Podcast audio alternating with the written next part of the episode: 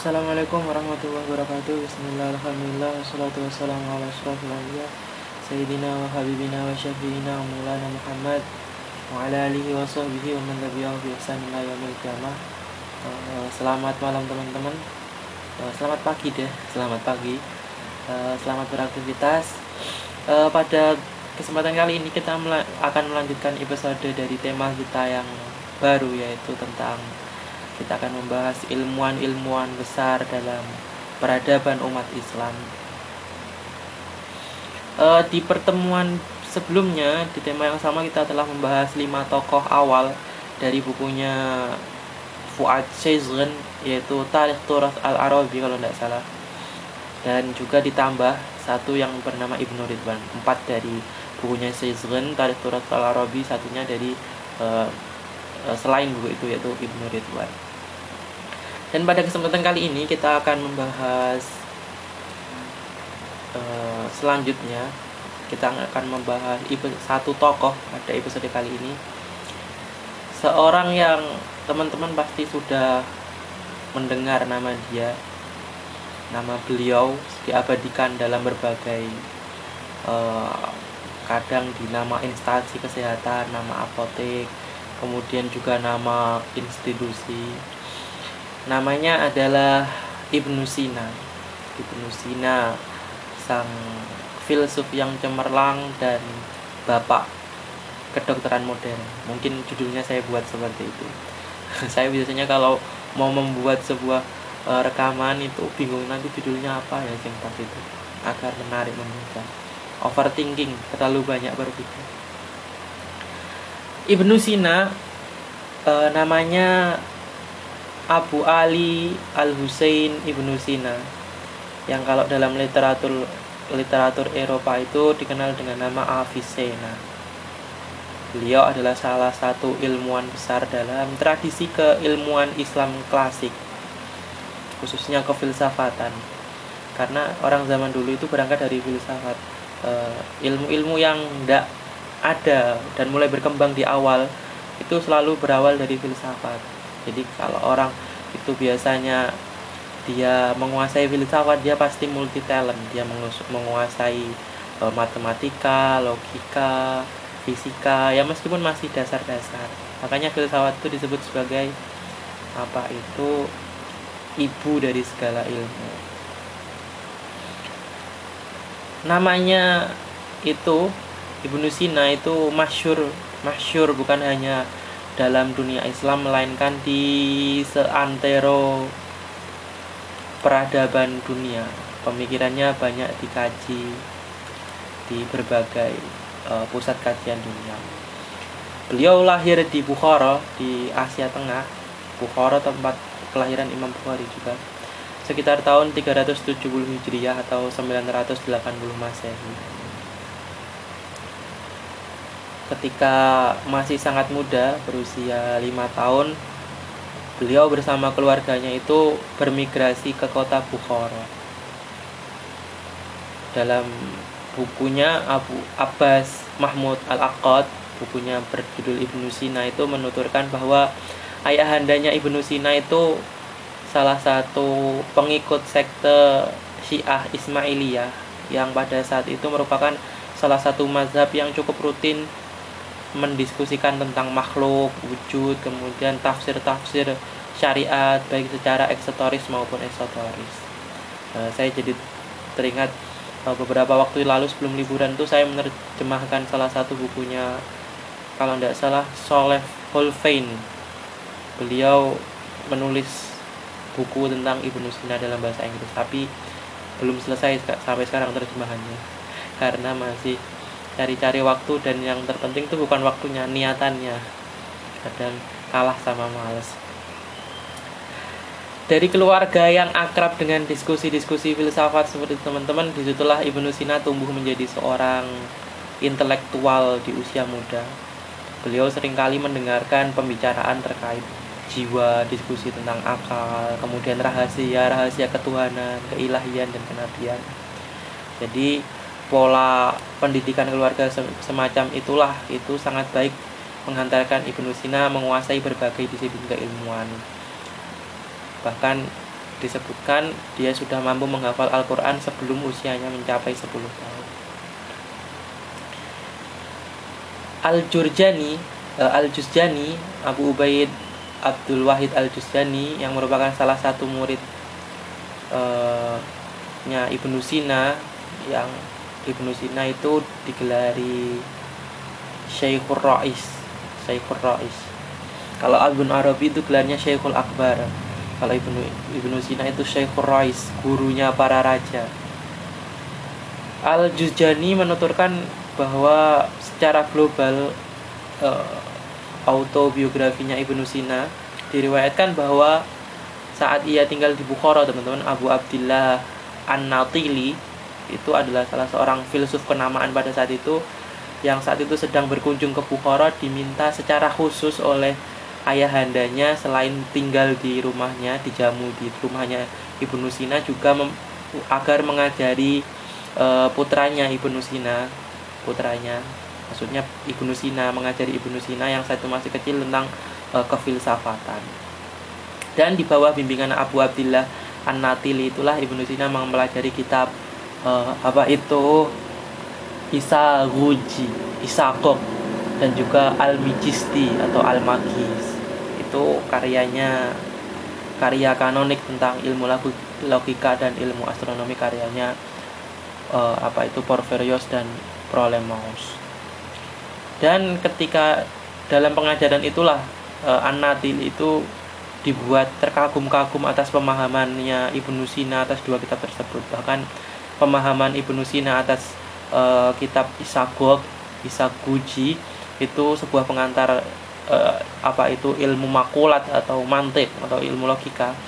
Karyanya apa itu Porpiri itu jauh lebih terang daripada uh, pemahamannya sendiri lebih terang dan jelas.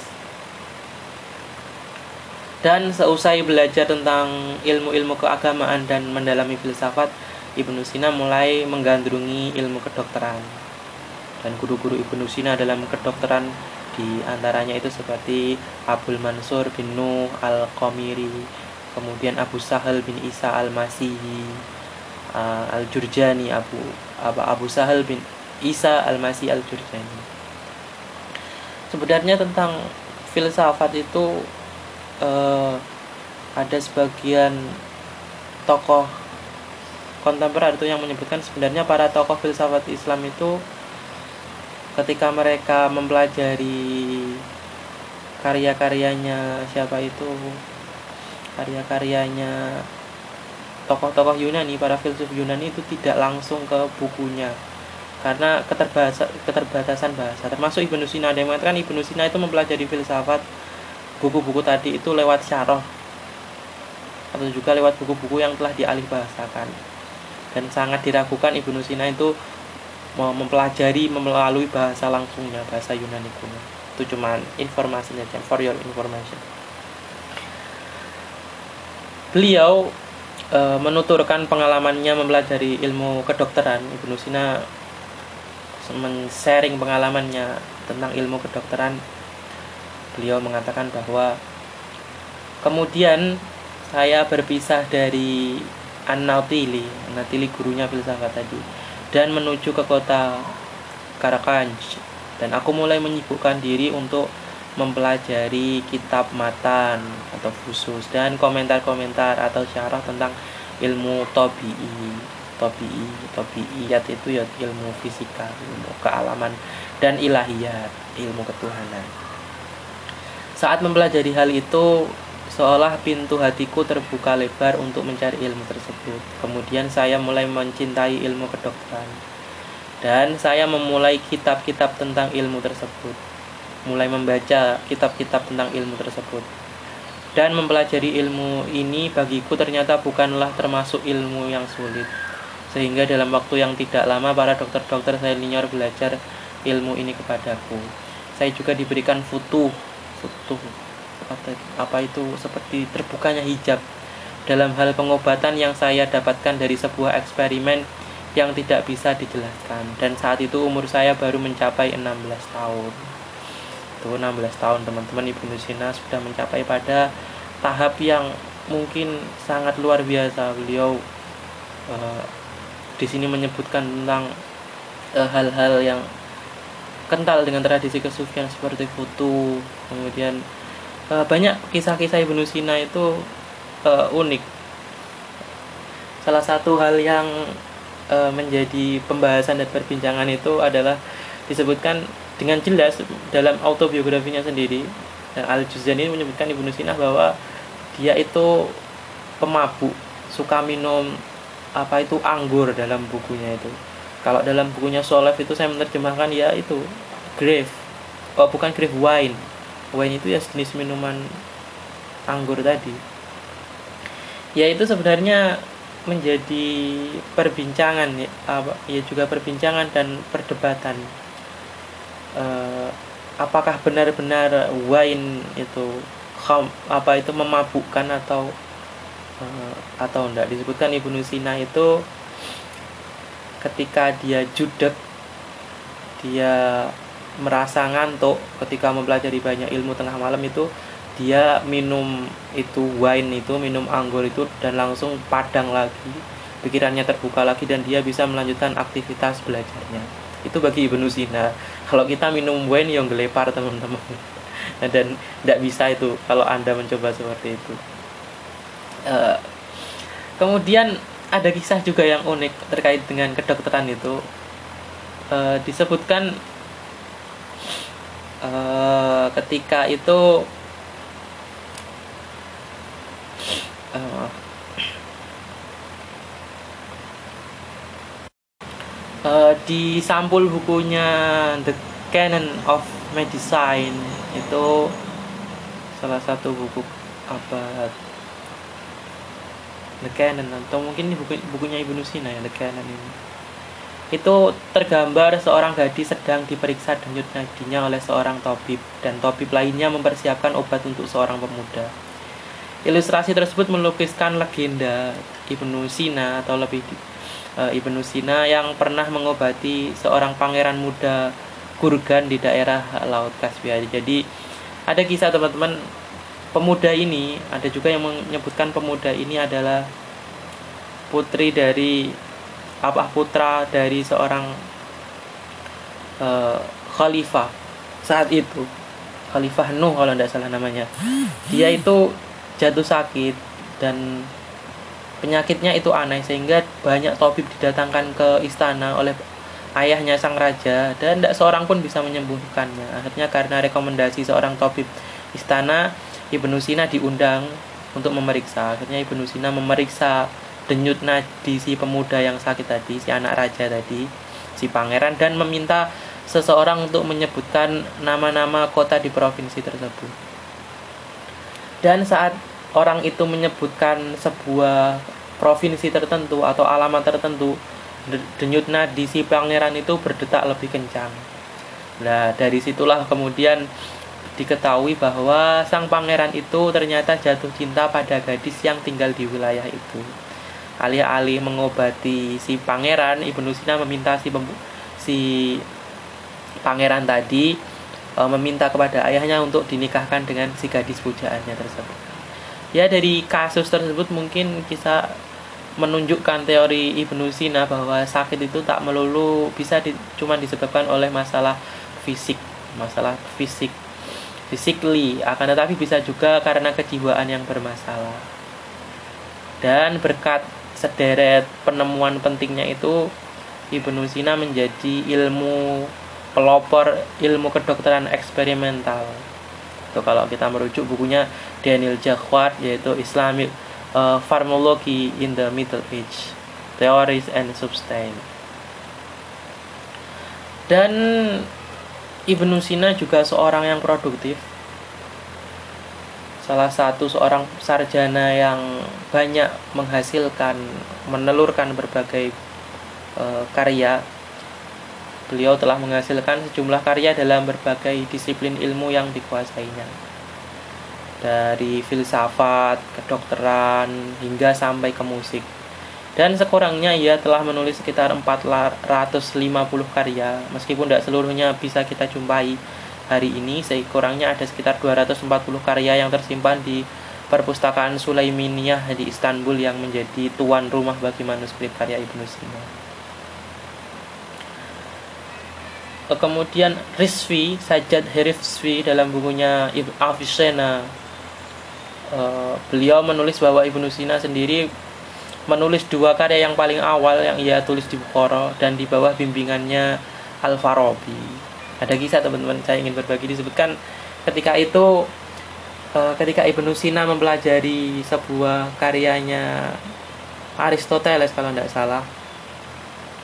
Dia judek di sebuah pembahasan dia judek biasanya Ibnu Sina itu kalau beliau sampai di sebuah permasalahan dan dia tidak menemukan apa itu solusinya tidak menemukan makna tidak bisa memahami dia pergi untuk uh, keluar kemudian pergi ke masjid dan sembahyang sholat dua rakaat dan kemudian memohon kepada Allah agar dibukakan pemahamannya. Biasanya seperti itu. Dan di kisahnya itu disebutkan ketika Ibnu Sina judek dengan salah satu pemikirannya Aristoteles enggak, kalau tidak salah dalam bab logika.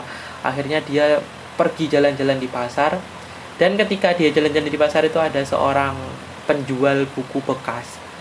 Buku bekas. Akhirnya eh, dia tiba-tiba memanggil Ibnu Sina dengan mengatakan oh kalau kamu bela mau belajar karyanya ini ini loh bacanya Al Farabi akhirnya dibelilah salah satu buku yang tua yang sudah banyak tidak diminati. Dan kemudian setelah Ibnu Sina membawanya pulang dan dibaca ternyata itu semua menjelaskan semua kegeruntelannya tentang masalah yang dihadapi memahami karyanya Aristoteles. Dan disebutkan sejak saat itulah Ibnu Sina e, menisbatkan dirinya sebagai muridnya dari Al Farabi itu kisah juga antara Ibnu Sina. Saya teringat ketika di sini.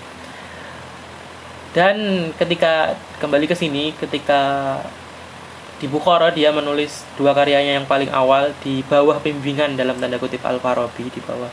Tidak langsung karena tidak, berjumpa. Pertama kompendium tentang jiwa atau makolatun fil nafas adalah ya risalah singkat yang dipersembahkan untuk penguasa Samani tentang kecerdasan rasional. Kedua filsafat untuk prosodit al-hikmah al-arudiyah yang ditulis uh, untuk seorang sarjana lokal dan berisi tentang penjelasan pertamanya tentang filsafat Aristoteles. Dan setelah dua karya tersebut, Ibnu Sina kemudian menerbitkan banyak karya-karya lainnya. Yang pertama seperti uh, Al-Mausu'ah Shifa, itu karya yang ditulis dengan mengikuti metodenya Aristoteles ketika menjelaskan ilmu sains murni, logika, matematika, metafisika dan teologi. Dan karya ini menurut Flannery dalam bukunya Avicenna Persian Philosopher and Scientist merupakan karya Ibnu Sina yang cukup komplit dalam menjelaskan filsafat dan sains. Kemudian beliau juga menulis kitab Al-Ma'rifah yang berisi uh, ditulis sebenarnya ditulis dalam bahasa Persia dengan tajuk uh, Danis Malshie Al-Alai atau The Book of Knowledge for Ala for A'la al-Dawla Kemudian beliau juga menulis Al-Isyarat buat Tanbihat. Itu kitab yang mengurai tentang filsafat yang sekaligus melanjutkan gagasan Al-Farabi yang kemudian uh, dikritik uh, besar-besaran oleh uh, sarjana setelahnya yaitu Imam Ghazali dan banyak yang lain. Dari semua itu yang paling terkenal karya Ibnu Sina adalah kitabnya yang berjudul An-Najat fil Mantiq wa Ilahiyat. Ya, kitab tersebut menjelaskan tentang ilmu mantik, ilmu tabii ilmu tabii itu ya ilmu ilmu alam ilmu fisika. Kemudian handasah dan ilmu hisab. Dan berikutnya magnum opusnya Ibnu Sina atau karya terbesarnya Ibnu Sina dalam bidang kedokteran adalah karyanya yang berjudul Al-Qanun Al-Qanun Fitib. Kitab tersebut dikatakan e, karya Ibnu Sina yang paling terkenal sebuah karya ringkasan pengetahuan tentang kedokteran di masa itu dan terdiri atas lima volume. Dan konon katanya kitab ini merupakan kitab salah satu yang paling klasik dalam sejarah ilmu kedokteran dan juga dianggap sebagai salah satu sumber informasi media terbaik pada masa setelahnya. Selain menulis dalam bidang kedokteran dan filsafat, Ibnu Sina juga menulis karya tentang musik, Judul bukunya tentang musik adalah Al-Maqalah Jawami Ibnul Al-Musiqi Maqalah fi Musiki kemudian uh, bukunya tadi buku uh, Canon tadi um, apa itu salah apa itu karya terbesarnya Ibnu Sina Al-Qanun Fitib atau yang kalau dalam bahasa Inggris itu ya Canon itu dipakai oleh para pengajar media di e, belahan dunia barat untuk memperkenalkan prinsip dasar sains pada mahasiswanya karena memuat praktik dan teori kedokteran seperti penjelasan dalam kitab teks-teks Yunani Romawi. Dan melalui buku itulah e, beliau berkontribusi berkontribusi pada kemajuan ilmu anatomi, ginekologi, pediatri, dan dokter pertama yang melakukan uji klinis dan pengenalan farmakologi klinis. Dari Ibnu Sina juga teman-teman mau melatar belakangi sumpah kedokteran, ada juga melahirkan etika kedokteran di bukunya. Yang modern itu disebut etika kedokteran dari bukunya itu apa itu Al-Qanun Fitib di antaranya seperti jangan e, mengatakan kepada pasien bahwa apa itu penyakitnya parah dan tidak bisa disembuhkan karena itu hanya menambah e, apa itu menambah e, kondisinya tambah buruk. Etika kedokteran itu diambil dari e, karyanya Ibnu Sina berangkat dari situ.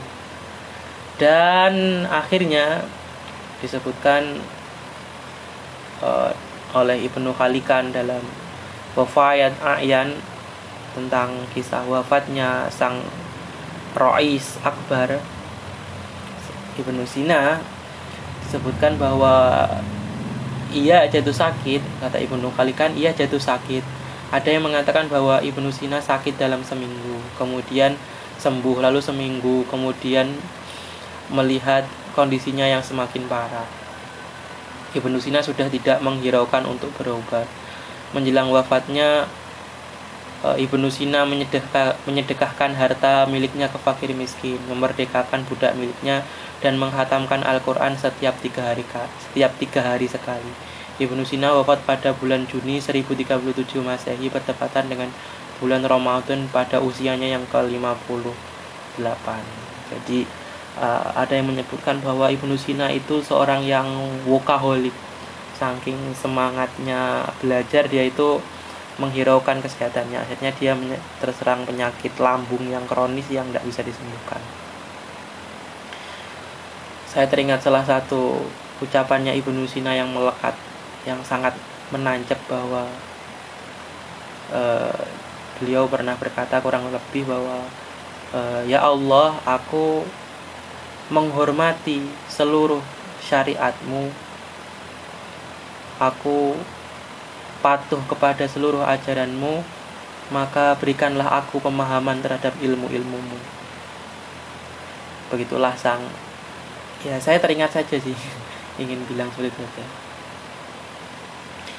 Dan itulah Ibnu Sina, salah seorang filosof yang agung, ahli kedokteran, bapak kedokteran modern yang namanya masyur hingga hari ini.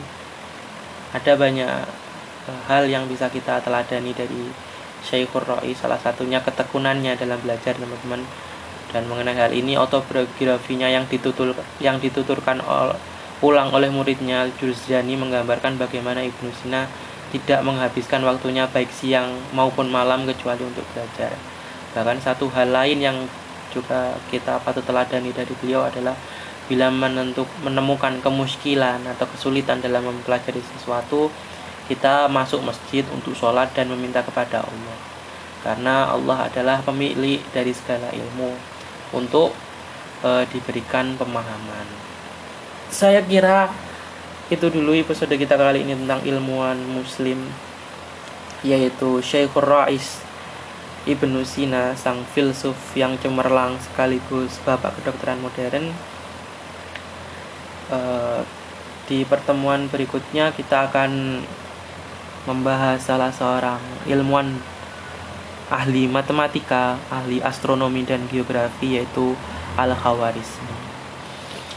Saya kira itu dulu akhirul kalam. Wassalamualaikum warahmatullahi wabarakatuh.